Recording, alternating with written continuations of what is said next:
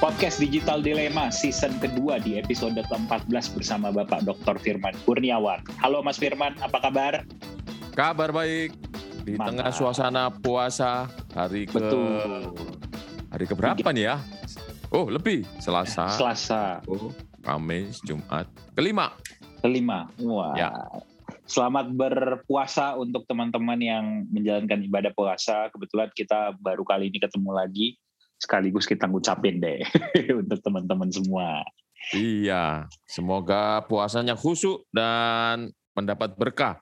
Betul. Gimana Mas? Eh, puasa di tengah pandemi Enak-enak saja. aman-aman Kan aja ya. Sudah, tahun lalu juga pas pandemi. Oh Bulan, iya. bulan Mei ya tahun lalu. Iya, juga. iya. Lagi-lagi di tahun ini kembali ada dilema, bukan dilema, ya dilema mungkin ya tentang mudik nggak mudik. Betul, tapi ini lebih tegas, lebih tegas Iya. dan eh, nggak ambigu. Kalau Iya. tahun lalu nggak boleh mudik tapi pulang kampung boleh. Kemudian juga eh, apa namanya eh, beberapa armada itu masih beroperasi sehingga Mm-mm.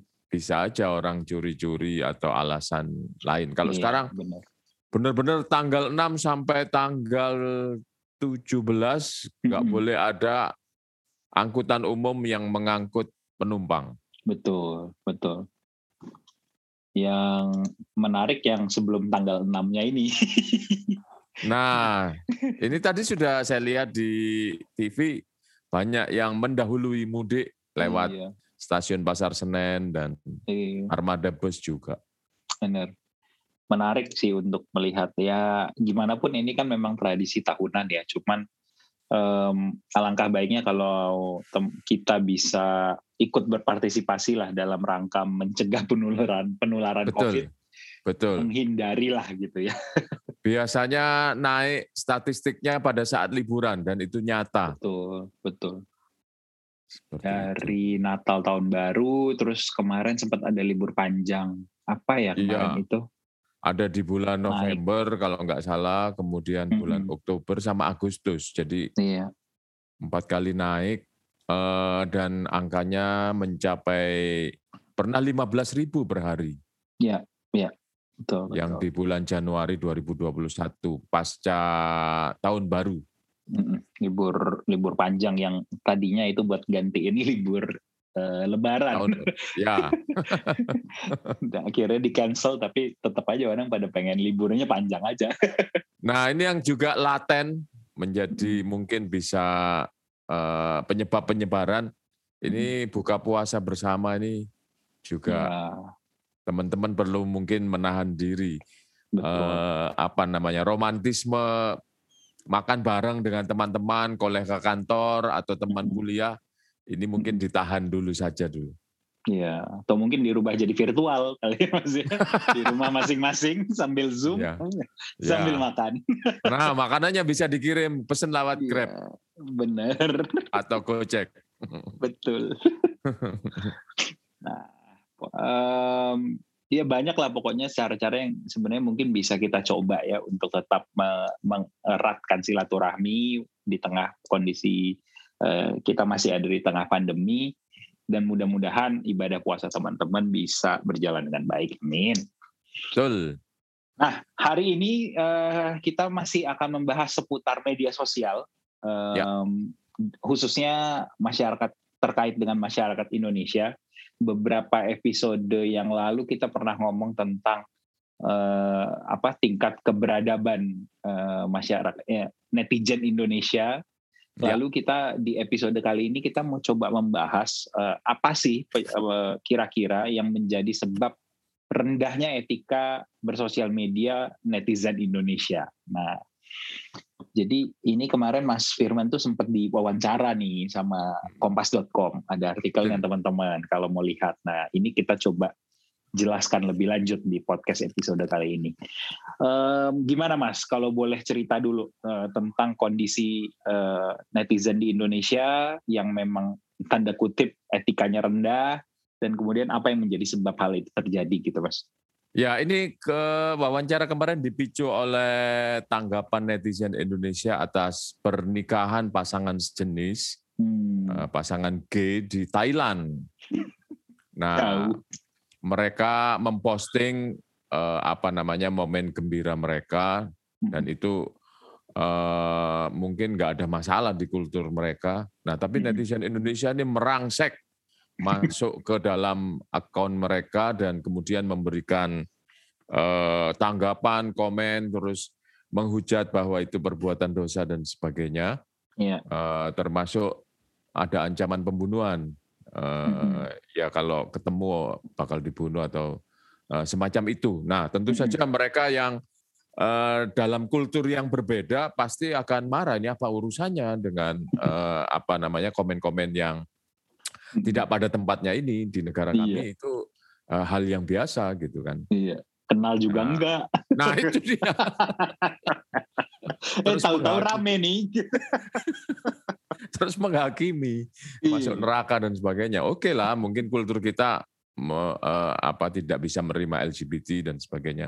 Nah, dari situ kemudian muncul pertanyaan apa yang terjadi dengan netizen Indonesia ini? Nah, Uh, kalau di dunia nyata kelihatannya kalem-kalem di dunia uh, media sosial kok begitu garang, liar dan uh, nggak ada etikanya.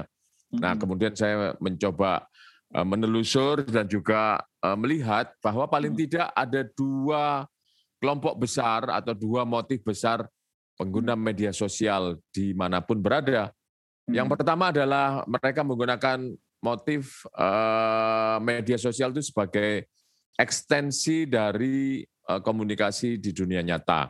Hmm. Jadi ketika misalnya kita ingin uh, menjangkau banyak orang, ya. ngobrol atau misalnya katakanlah kampanye atau memasarkan produk, ya. saya punya produk rumahan, ingin biar orang lain tahu, ya. maka uh, kalau saya nggak punya uang untuk beriklan, ya udah pakai media sosial. Itu saya hmm. mengekstensi uh, komunikasi uh, di dunia, dunia nyata, nyata. dan juga mungkin dunia uh, media konvensional yang berbayar. Saya hmm. menggunakan media sosial. Jadi hmm. ini untuk menjangkau hal-hal yang uh, tidak bisa tercapai dengan uh, uh, komunikasi konvensional. Yeah. Nah, yang motif kedua ini sebagai pelarian atau sebagai uh, wadah. Jadi yeah. Ya. uh, uh, mengapa saya sebut pelarian? Kadang-kadang uh, sebetulnya gejala ini di dunia uh, komunikasi digital sudah lama yeah. Ya. uh, terlihat. Uh, kita bisa ngobrol panjang lebar, bisa menampilkan sisi yang uh, kalau Berbeda. di dunia ya di dunia nyata itu kita malu menampilkannya. Yeah. Nah, itu kita tampilkan lewat uh, media sosial. Jadi kita yeah. lampiaskan. Nah, termasuk amarah. Amarah mungkin kalau kita lampiaskan di dunia nyata itu bisa berantem fisik beneran sama orang. iya bener. iya bener. Serobotan antrian di Alfamart atau Indomaret iya, misalnya seperti iya, itu. Bener. Terus kita mau negur aja kan hati-hati. Ini nanti iya. kalau saya diserang balik bisa menahan nggak? Terus iya, kalau bener. saya berantem bisa nggak? Nah itu kadang-kadang kesal kita itu tidak terwadahi. Hmm. Nah iya, di iya, media iya, sosial ini semua bisa ditampung. Bahkan iya. pendapat-pendapat yang absurd, pendapat-pendapat yang tadi menghakimi kan nggak mungkin kalau kita ketemu pasangan G atau pasangan apa pun yang iya. tidak cocok dengan kita kemudian iya lu nggak boleh kayak gitu nanti berdosa. Kalau ketemu paling diem ya. Nah itu dia. Iya bener. Kan nggak tahu juga dia. Nah, kalau ketemu fisik juga eh, kita nggak tahu juga dia gay apa bukan misalnya seperti itu gitu betul betul. Iya iya nah, iya iya. nah dugaan saya hari-hari ini uh, apa dengan problem sosial yang begitu memuncak mm -hmm. pandemi kita uh, takut dengan masa depan kita, juga takut yeah. dengan ancaman penularan. Ini banyak yeah. orang yang frustrasi. Banyak hmm. orang yang frustrasi. Kemudian juga wadah-wadah komunikasi ini sekarang uh, tidak dialogis. Kalau kita misalnya hmm. uh, nonton berita ada sebuah uh, pabrik di Bogor kemarin uh, hmm. menyebabkan bau busuk di sekitar pemukiman warga. Ketika warga itu menyampaikan baik-baik, nggak ditanggapi. Hmm. Nah, harus nunggu marah. Jadi harus nunggu marah. Eh, demikian juga hal-hal yang lain, misalnya apa namanya, eh, yang sekarang lagi rame ini pinjaman online. Iya, Tiba-tiba ya, ya. saya nggak pernah apply, terus kemudian ditagih, kemudian uh, nama Udah saya ditransfer. harus ditransfer. Iya. Ibu, nah itu ngeri. Kita itu dalam iya. dunia nyata ini sebetulnya banyak kehidupan yang membuat kita itu kesal, tapi nggak iya. bisa menyelesaikan dengan dialog. Hmm. Nah, akhirnya ada nih sebuah medium yang murah, mudah, dan uh, tidak pernah menolak komen apa pun, masuk di sana. Nah itulah. Tidak, tidak pernah menolak menolak komen apa pun tuh bener sih. Nah, Saya ngebayangin kalau misalnya pas diketik enter gitu, nggak boleh, Anda kasar tulisannya gitu. Iya iya iya. Nah itu yang terjadi. Jadi sekarang ini banyak orang yang menggunakan media sosial sebagai medium pelampiasan hmm. frustrasi di dunia nyata. Hmm, berarti um, ini kan yang yang alasan kedua itu kan apa kerap kita kenal dengan istilah eskapisme gitu ya yes, keluar yes. dari uh, yes. kebiasaannya. Nah, yeah. Ya. um, yang dihindari itu sekarang apa mas yang menjadi kayak kalau dia kan berusaha menjadikan itu ekstensi dari uh, kehidupan nyatanya gitu kan dia nggak bisa marah-marah nggak bisa nggak bisa ngomel gitu. Tapi berarti memang ada beban yang berat ya di tengah masyarakat sendiri sampai dia Betul. menumpahkan Betul. itu gitu ya. Iya, iya. Nah beban ini tidak ada wadahnya, itu problem. Hmm, ya, tidak ya, ada ya. wadah di dunia nyata yang bisa digunakan untuk menyelesaikan secara melegakan. Hmm, ya, Bagaimanapun ya. kan namanya eh, kalau kita tinjau marah itu kan uh, sebetulnya secara psikologi Eh, mekanisme perlindungan diri. Jadi kalau kita oh, lihat iya benar. lihat bayi yang belum pernah diajari marah, kemudian hmm. kenapa dia bisa marah? Itu mungkin karena misalnya lapar, uh, hmm. tidak segera mendapatkan uh, kebutuhannya, dia kemudian hmm. uh, nangisnya itu berbeda, hmm. menunjukkan kemarahan. Nah itu uh, kan upaya melindungi diri. Atau saya di rumah itu punya beberapa kucing kecil itu, saya lihat pertumbuhannya, mm-hmm. itu kalau makanannya terancam dia menggeram, menggeram, mm. marah. Nah itu untuk melindungi uh, apa mekanisme melindungi makanannya supaya tidak direbut mm. binatang lain atau binatang dari teritori lain. Yeah. Nah marah ini mekanisme perlindungan diri. Nah, hmm. ketika orang ingin marah kan sebetulnya ada sesuatu yang dia cemaskan, dia khawatirkan. Betul. Betul. Nah, ketika itu tidak tersampaikan, tidak ada hmm. wadahnya, itu tetap cari jalan gimana caranya, entah eh, banting-banting barang, ya. entah kemudian uh, berteriak-teriak, jadi oh. dan sebagainya. Atau ini tadi yang murah ini media sosial saya punya. Wah, ini kalau ada pasangan G nih, nah, kita pakai aja nih mungkin nggak ada yang membela nih kalau pasangan yang tidak sesuai dengan adat kita, kita maki-maki yeah. pasti banyak pendukungnya nih. Nah, seperti iya, itu yeah, bisa yeah. jadi. Hmm, berarti bisa jadi tuh setelah ngetik tuh sebenarnya senyum gitu ya setelah ngetik orangnya gitu kayak ah, kayaknya gitu ya. kayaknya lega. Nah sampai iya. kemudian yang di Thailand itu akan mengancam balik ini harus dipidanakan. Ya, nah itu baru ya, kena batunya yang. Iya karena biasanya kalau orang marah nggak mikir ya. nah itu emosi kan nggak nggak mikir. Emosi sesaat, iya. Betul betul. Tapi um, apa namanya um, berarti itu mas yang yang saya nangkap ya berarti sebenarnya ada masalah dengan masyarakat Indonesia tuh tanda kutip harus diajarkan cara stress relief.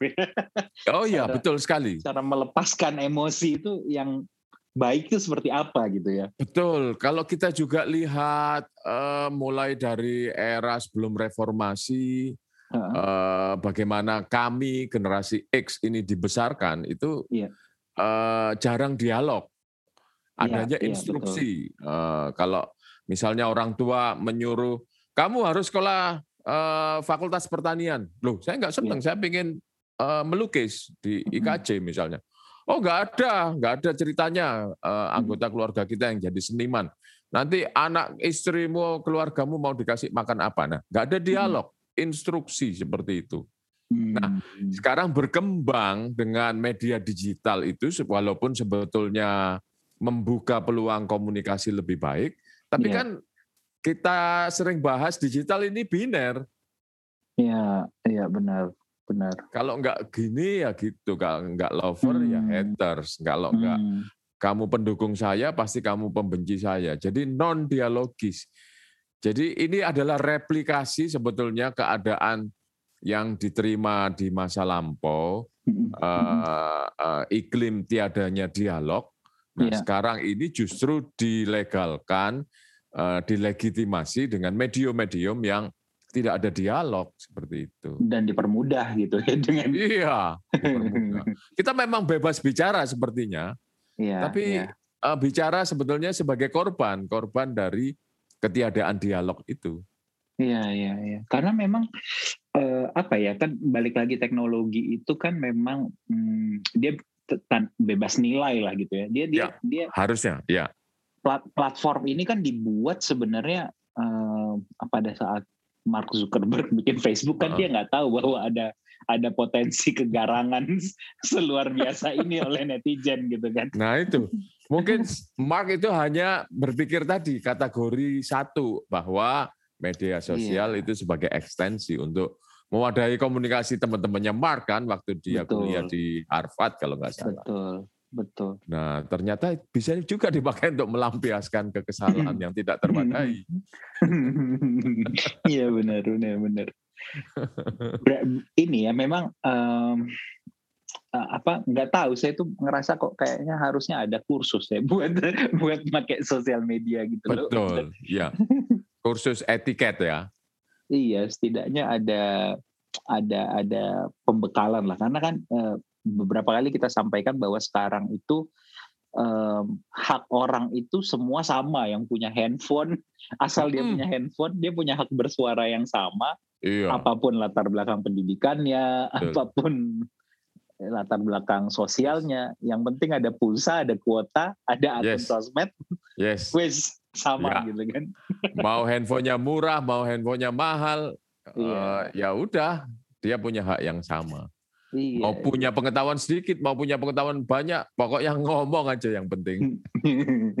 nah, nah balik lagi tadi kalau eskapisme itu mau masalahnya berat, mau masalahnya ringan, melampiaskannya ya di situ semua gitu ya. Nah itu, nah itu tadi kalau kita kembali sejak sejarahnya itu kita itu kan tidak diajari untuk berdialog, eh, berargumentasi, eh, menyatakan pendapat dengan sistem patron ini yang terbaik adalah yang lebih senior, yang lebih tua, yang lebih berkuasa, pemerintah itu selalu benar.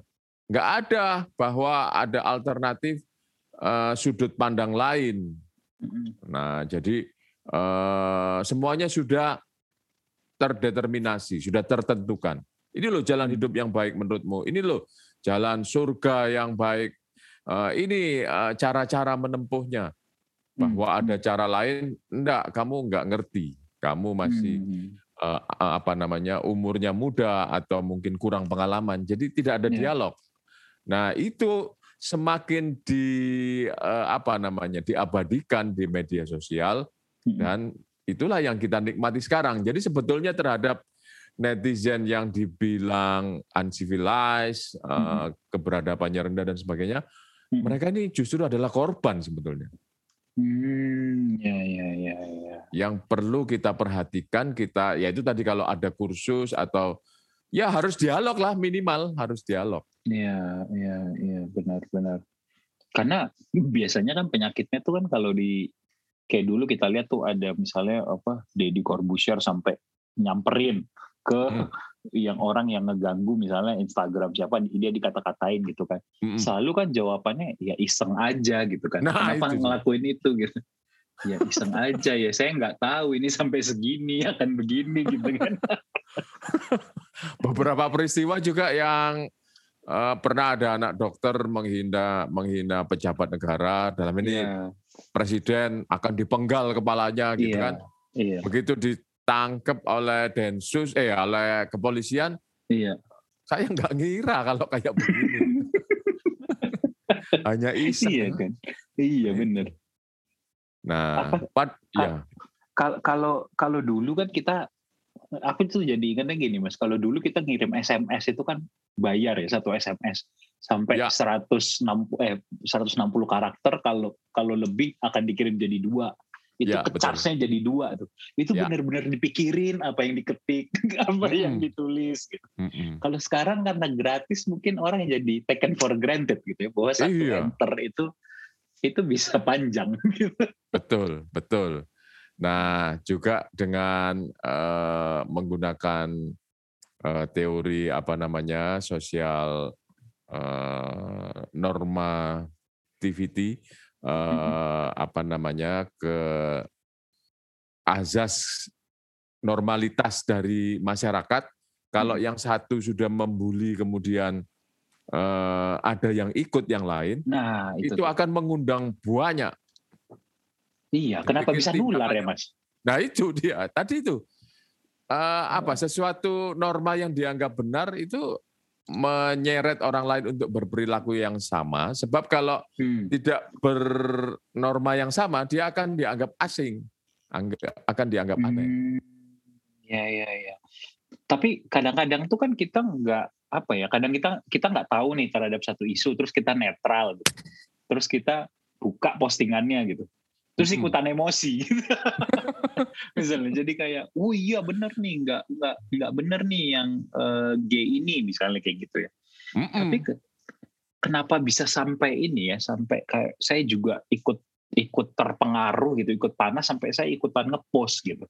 Betul, kadang ya ini problem ini sebetulnya sangat luas, banyak mungkin ada ahli perilaku, ada Mm-mm. ahli antropologi yang bisa menjelaskan lebih baik. Tapi eh, kadang sebuah apa namanya panggung komentar ini Mm-mm. dijadikan sebagai medium untuk menunjukkan moralitas kita. Jadi, oh iya, ketika saya mempunyai moralitas yang misalnya tadi eh, menolak iya, G, iya. maka saya lebih baik dari orang lain yang tidak menyatakan itu. Jadi harus saya nyatakan, saya tunjukkan. Oh, Oke. Itu sampai kenapa dia ngepost gitu ya, sampai dia ikutan Mm-mm. komen gitu ya. Iya, ke- untuk Hmm. urusan moral eh, ada eh, gejala yang saya ikuti. Eh, sering kali banyak pihak itu ingin menunjukkan bahwa dirinya juga bermoral. Jadi Ya, ada ya, se- ya, ya. apa namanya ajang. Oh, misalnya eh, kalau kemarin eh, apa namanya ketika eh, perseteruan cebong kampret sangat me- eh, meruncing. Demikian juga sampai kemudian dibawa ke urusan agama, urusan eh, Pancasila dan sebagainya. Kemudian muncul eh, saya Pancasila, terus ada eh, apa namanya Twibbon yang menunjukkan. Nah itu yang ikut banyak kan. Betul, betul. Nah karena dia ingin memanggungkan posisi etisnya, posisi nilainya supaya dilihat orang lain. Saya adalah Iya, iya. golongan yang ini. Ya, ya, ya, ya, benar, benar, benar. Karena bisa jadi eh, apa? eh, itu di di di kehidupan nyata mungkin bisa jadi dia tidak tanda kutip tidak dipandang gitu ya untuk Ya, tidak dipandang terhadap komunitasnya dengan dia menjadi sama dan menjadi bagian dari komunitasnya dengan Ya, menggunakan identitas yang sama jadi seperti dia kayak saya bagian nih dari dari jaringan masyarakat yang ini nih gitu ya. Iya betul betul dan ini sebetulnya sudah gejala dari masa ke masa mungkin Mas Maksi eh, tahu di Jakarta ada perguruan tinggi yang namanya Mustopo Beragama. Ya, betul. Apa itu sejarahnya? Nah itu waktu tahun 65 ketika eh, komunis itu dituduh tidak beragama, maka Oh, muncullah komunitas-komunitas yang menyatakan keagamaannya. Makanya sampai lembaga namanya dikasih beragama. beragama. Oh. Berarti dia bukan iya, komunis iya, seperti iya, itu. Iya, iya, iya.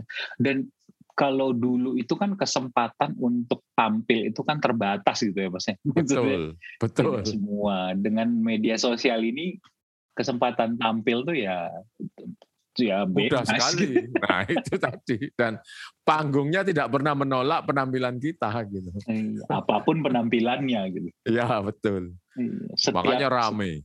setiap panggung ada penontonnya. Kalau nah. sekarang apa pun dan ada komentatornya dan ada iya, komentatornya. mau jelas bang, mau nggak jelas. Sampai bangsa lain takut, BWF sudah takut, Microsoft iya. sudah takut. Ini sekarang membuat masalah dengan warga negara uh, Thailand dan implikasinya ternyata bukan kepada yang tadi menuliskan komen di media sosial. Iya.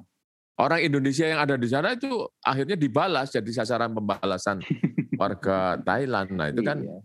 jadi sama. Mesti. Nah itu dia. Hmm.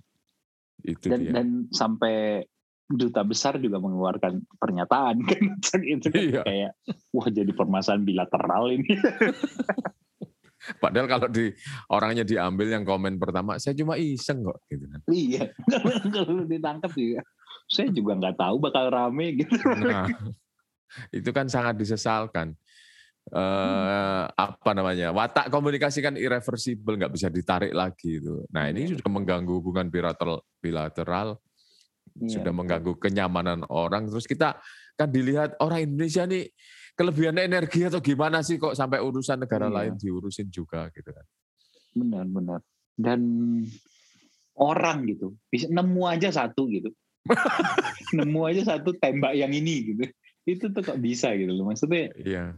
pasti iya. di antara yang lain tuh ada banyak kasus gitu yang bisa dikomenin lebih negatif, hmm. lebih kalau mau nyerang misalnya tuh komentarin ya kudeta Myanmar, wah kan gitu kan hmm. keren ya, diserang hmm. sama netizen. Hmm ini kok ya ada mas-mas sama mas-mas kawin di ini. Jadi um, kalau boleh kita berikan sedikit uh, ini mas apa um, masukan atau mungkin tips gitu buat buat uh, teman-teman netizen ini. Gimana caranya supaya um, kita tuh tidak ikut terpancing gitu ya. Karena tadi kan ini tuh ada kecenderungan untuk menular gitu. Satu satu opini bisa dengan gampang diterima dengan yang lain gitu tanpa berpikir panjang gitu. Apa ya. yang ketika bagaimana menyikapi media sosial itu, konten di media sosial dan sampai kita memutuskan untuk oke, okay, saya juga ikut komen, saya juga ikut ngasih like misalnya gitu. Hmm. Iya.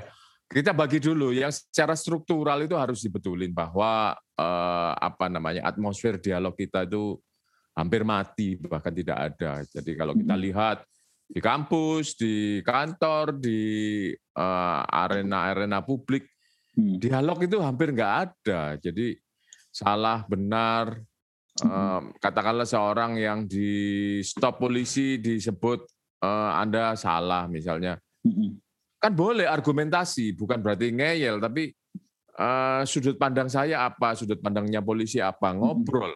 Ya memang itu akan menghabiskan waktu, tapi uh, iya, betul dialogi society ini harus dibangun itu yang kalau menurut saya struktural.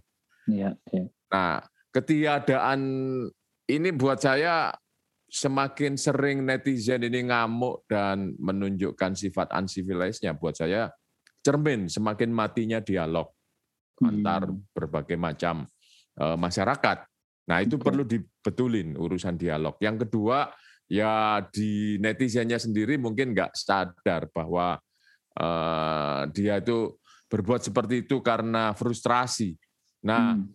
ini bagi pengelola kebijakan, Kominfo, mungkin Kemendiknas dan sebagainya, hmm. mereka ini adalah korban kalau menurut saya. Akhirnya hmm. saya memperoleh eh, pencerahan, ini kan korban, yaitu tadi korban dari tiadanya iklim dialog. Ya, ya. ya kita harus membuat uh, katup-katup yang uh, saluran untuk menyampaikan uh, ini tadi uh, ekspresi publik. Iya, iya betul. Jadi betul. jangan semuanya ditentukan oleh mereka yang lebih berkuasa, mereka yang merasa lebih pintar dan sebagainya. Uh, kasih masyarakat itu ruang-ruang untuk berekspresi. Hmm, iya benar, benar, benar. Nah, Jadi, ya. Ibarat, ibarat kalau misalnya apa uh, energinya supaya anak kecil tuh kan supaya tidur malamnya enak kan energinya dihabisin dulu waktu siang. Habisin, suruh main. iya. Suruh main sampai capek, sampai capek berkreasi. Nah, daripada main yang aneh-aneh mending bikinin mainannya. gitu nah, kan. seperti itu. Seperti itu tadi. Iya, suruh ngeramein apa gitu. Iya, benar benar benar.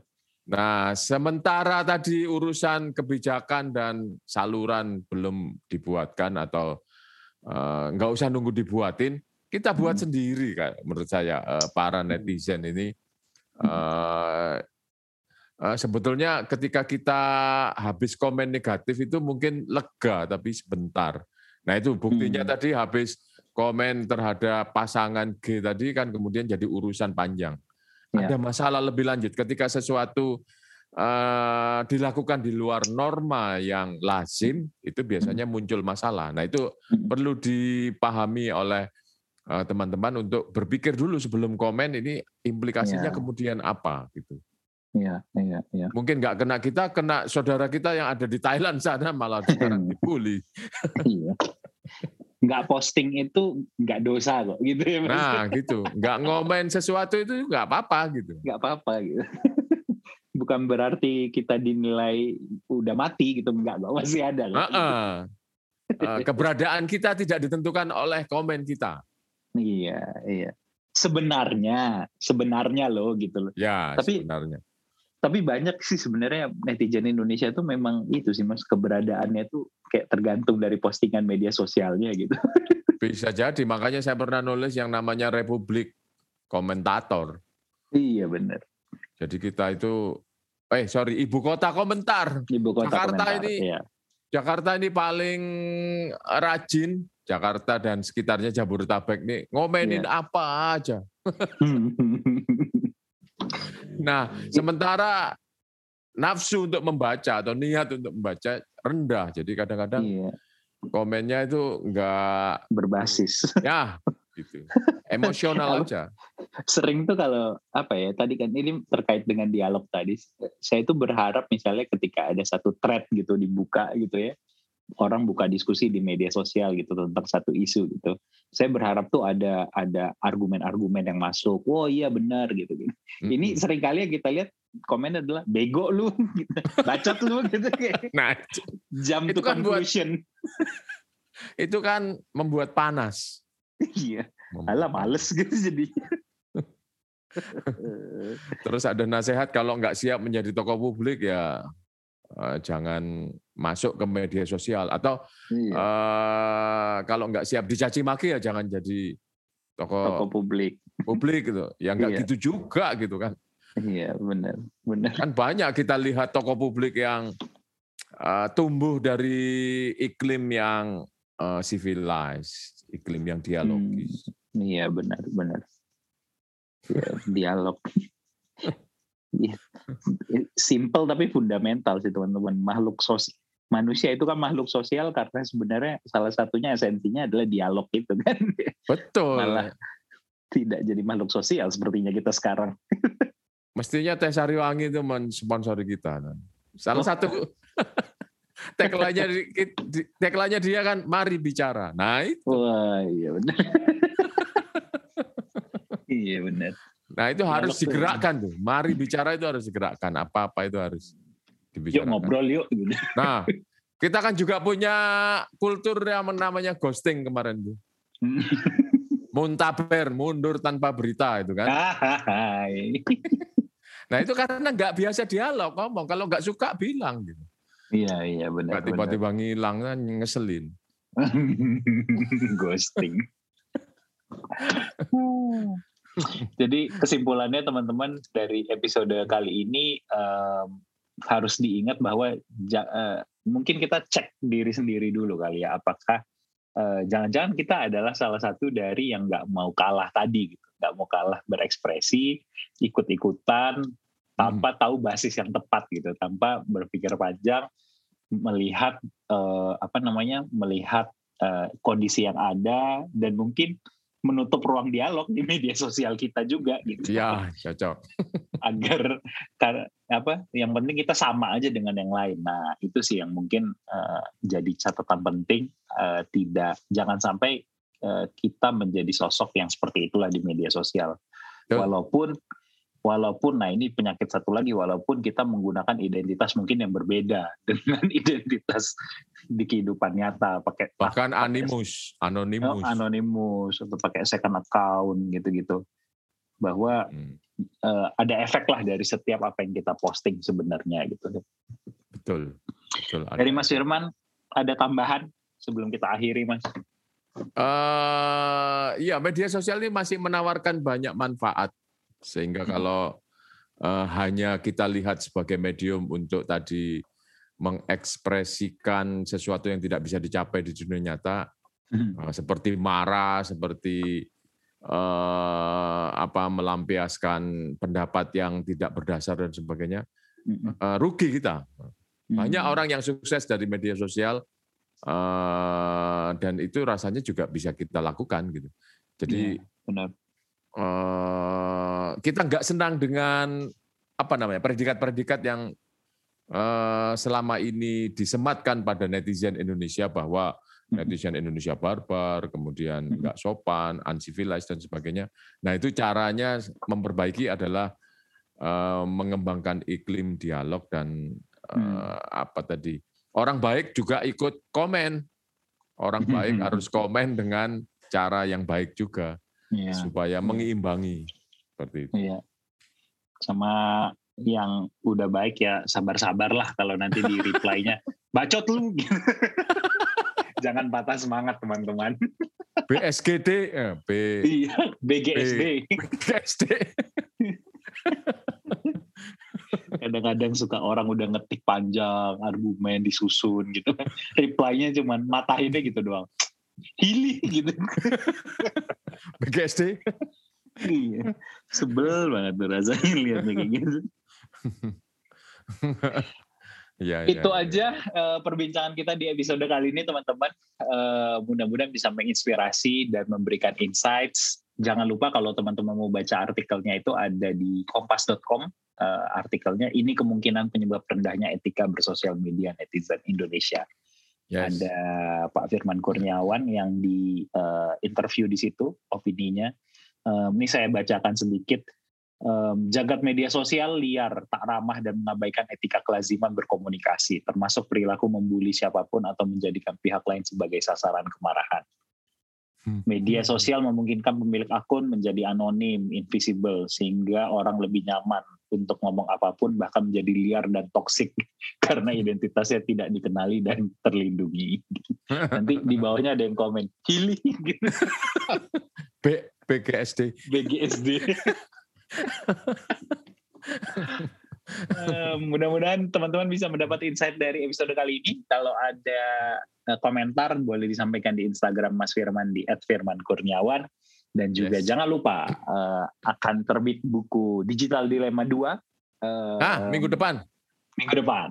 Insya Allah, minggu depan. Pasti. ya, udah Setelah, di, sudah di tahap akhir. nah, mantap.